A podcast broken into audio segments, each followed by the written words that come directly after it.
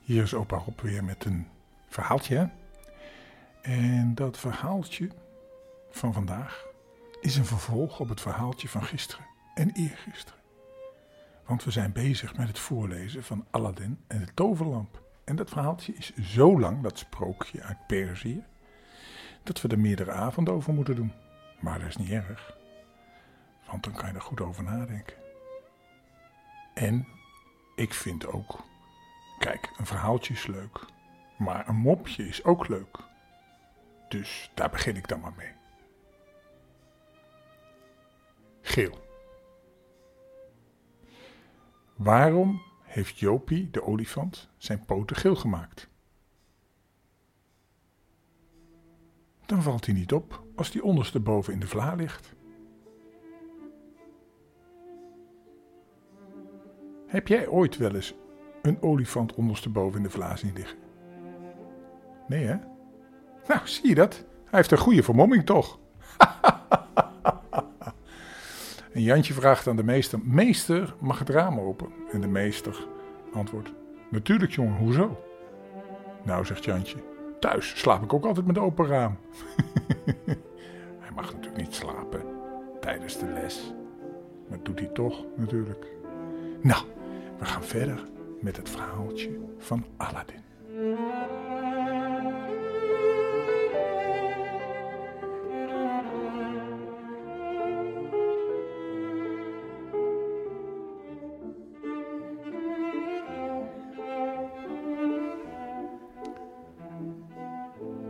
Aladdin is weer bij zijn prinses aangekomen. Maar het kasteel staat nog steeds in Afrika. Want de Afrikaanse tovenaar heeft het kasteel meegenomen. En hij kon alleen maar met de ring, waar hij over kon wrijven en dan iets kon vragen aan de geest die uit de ring kwam, kon hij alleen maar naar Afrika komen. Maar hij is nu, hij heeft een plan. En hij is bij zijn prinses gekomen en hij heeft haar iets in het oor gefluisterd. Zij luisterde aandachtig naar Aladdin. En toen hij weggegaan was, trok zij voor het eerst sinds ze uit Perzië ontvoerd was, kleurrijke kleren aan. Ze deed een centuur om en een hoofdband die met diamanten was versierd. In de spiegel zag zij dat ze mooier was dan ooit. En toen de tovenaar die avond bij haar kwam, zei ze tot zijn grootste verbazing: Ik weet nu zeker dat Aladdin dood is. Al mijn tranen zullen hem niet meer terugbrengen. Daarom wil ik nu niet meer treuren. Ik nodig u uit om samen met mij het avondeten te eten. Maar ik heb geen trek meer in Persische wijnen. Ik zou nu eens graag een wijn uit Afrika proeven. De tovenaar haastte zich naar zijn wijnkelder en de prinses deed in haar beker het poeder dat Aladdin haar had gegeven. Even later kwam de tovenaar terug en hij vroeg hem op haar gezondheid te drinken.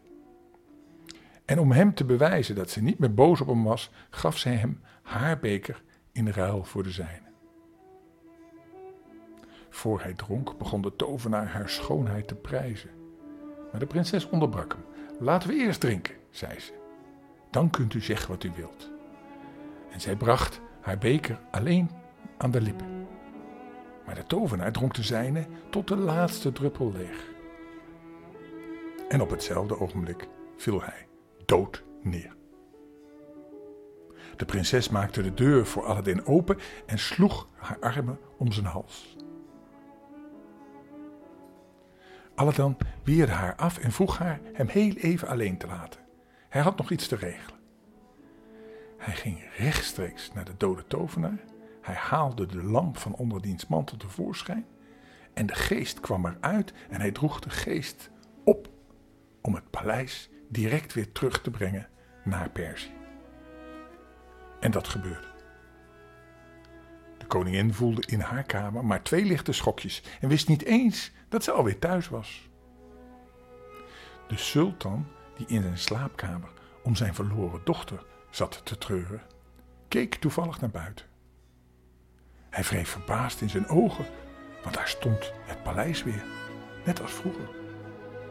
Hij holde erheen en Aladdin ontving hem in het vertrek met de 24 vensters. De prinses zat naast hem.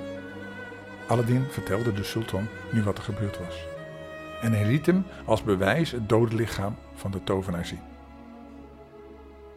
De sultan liet bekendmaken dat er tien dagen lang feest gevierd zou worden. Het leek erop dat Aladdin de rest van zijn leven in vrede zou kunnen doorbrengen. Maar dat zou niet gebeuren. Want de Afrikaanse tovenaar had een jongere broer, die zo mogelijk nog gemener en sluwer was dan hij zelf was geweest. En deze jonge tovenaar reisde naar Perzië om de dood van zijn broer te wreken. Hij bracht eerst een bezoek aan een vrome vrouw die Fatima heette. Hij drong haar woning binnen en zette een dolk op haar borst. Ze moest precies doen wat hij zei, anders zou hij haar doden. Toen verwisselde hij met haar van kleding. Hij verfde zijn gezicht zo dat hij nog meer op Fatima leek. Ten slotte deed hij ook haar sluier voor. En hij vermoordde haar, zodat ze hem niet zou kunnen verraden. Zo ging de jonge tovenaar naar het paleis van Aladdin. De mensen die dachten dat hij de vrome vrouw was, gingen, met, gingen naar hem toe en kusten zijn hand en vroegen hem hen te zegenen. Bij het paleis maakten de mensen zoveel rumoer rond de tovenaar dat de prinses haar slavin verzocht uit het raam te kijken en te vragen wat er aan de hand was. De slavin deed dat en vertelde de prinses dat het een heilige vrouw was die de mensen door haar aanraking kon genezen. Hierop liet de, tovenaar, de prinses de tovenaar bij zich ontbieden. Hij, ze moest bij hem komen, maar ze dacht dat hij Fatima was. Want zij had er al lang naar verlangd om Fatima eens te ontmoeten. Toen die lelijke tovenaar bij de prinses kwam, bad de tovenaar eerst luidkeels voor haar gezondheid en haar voorspoed. Daarna nodigde de prinses hem uit om bij haar te komen zitten. Ze vroeg hem zelfs om altijd bij haar te blijven. En de onechte Fatima, dus de tovenaar uit Afrika, wilde niets liever. Hij stemde dus toe, maar hij liet de sluier voor zijn gezicht hangen. Want anders zou iedereen zien dat die Fatima niet was. En dan zou zijn bedrog ontdekt worden. De prinses liet hem de grote zaal met de koepel zien en vroeg hoe hij die vond. Heel mooi, zei de onechte Fatima, maar naar mijn mening mankeert er nog iets aan.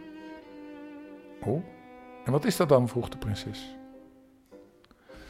Als er in het midden van deze koepel een ei van de vogel Rok hing, zou dit vertrek werkelijk het mooiste van de wereld zijn, antwoordde de tovenaar.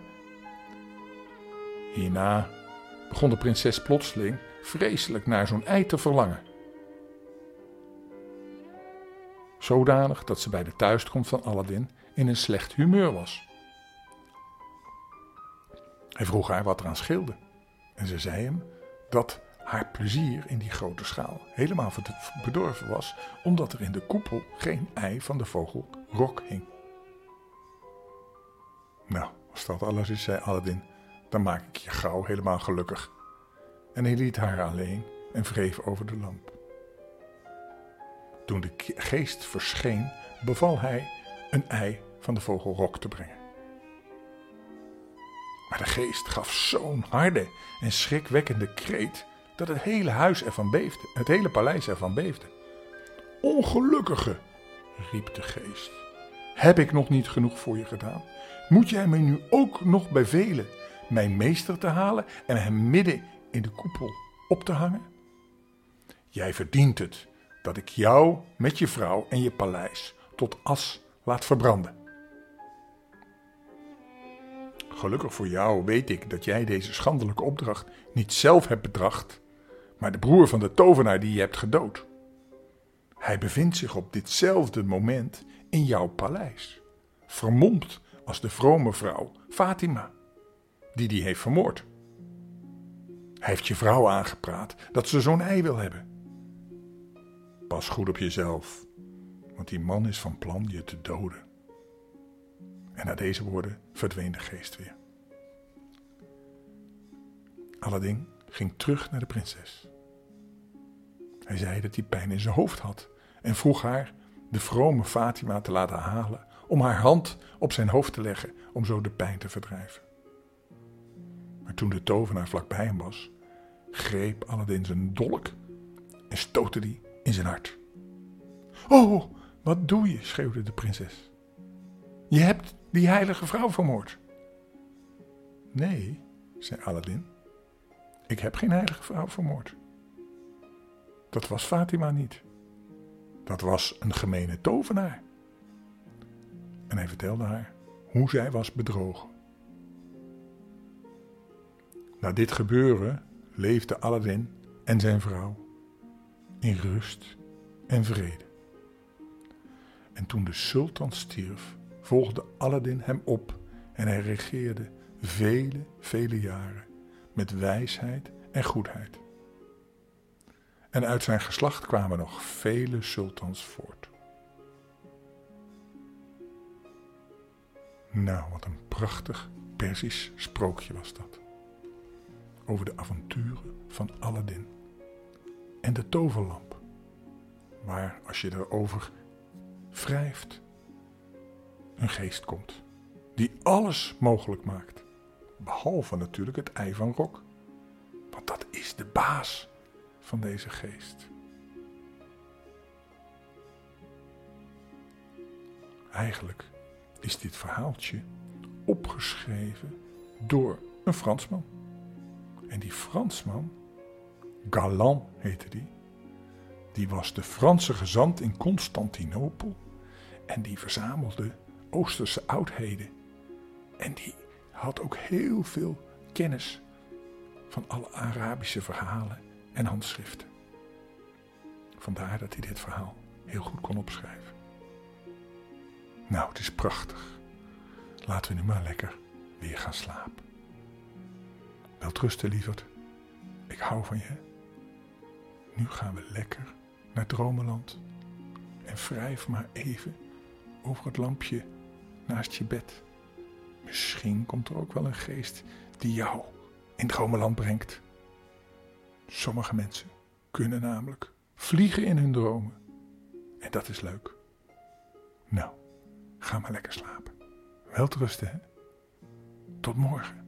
Dag.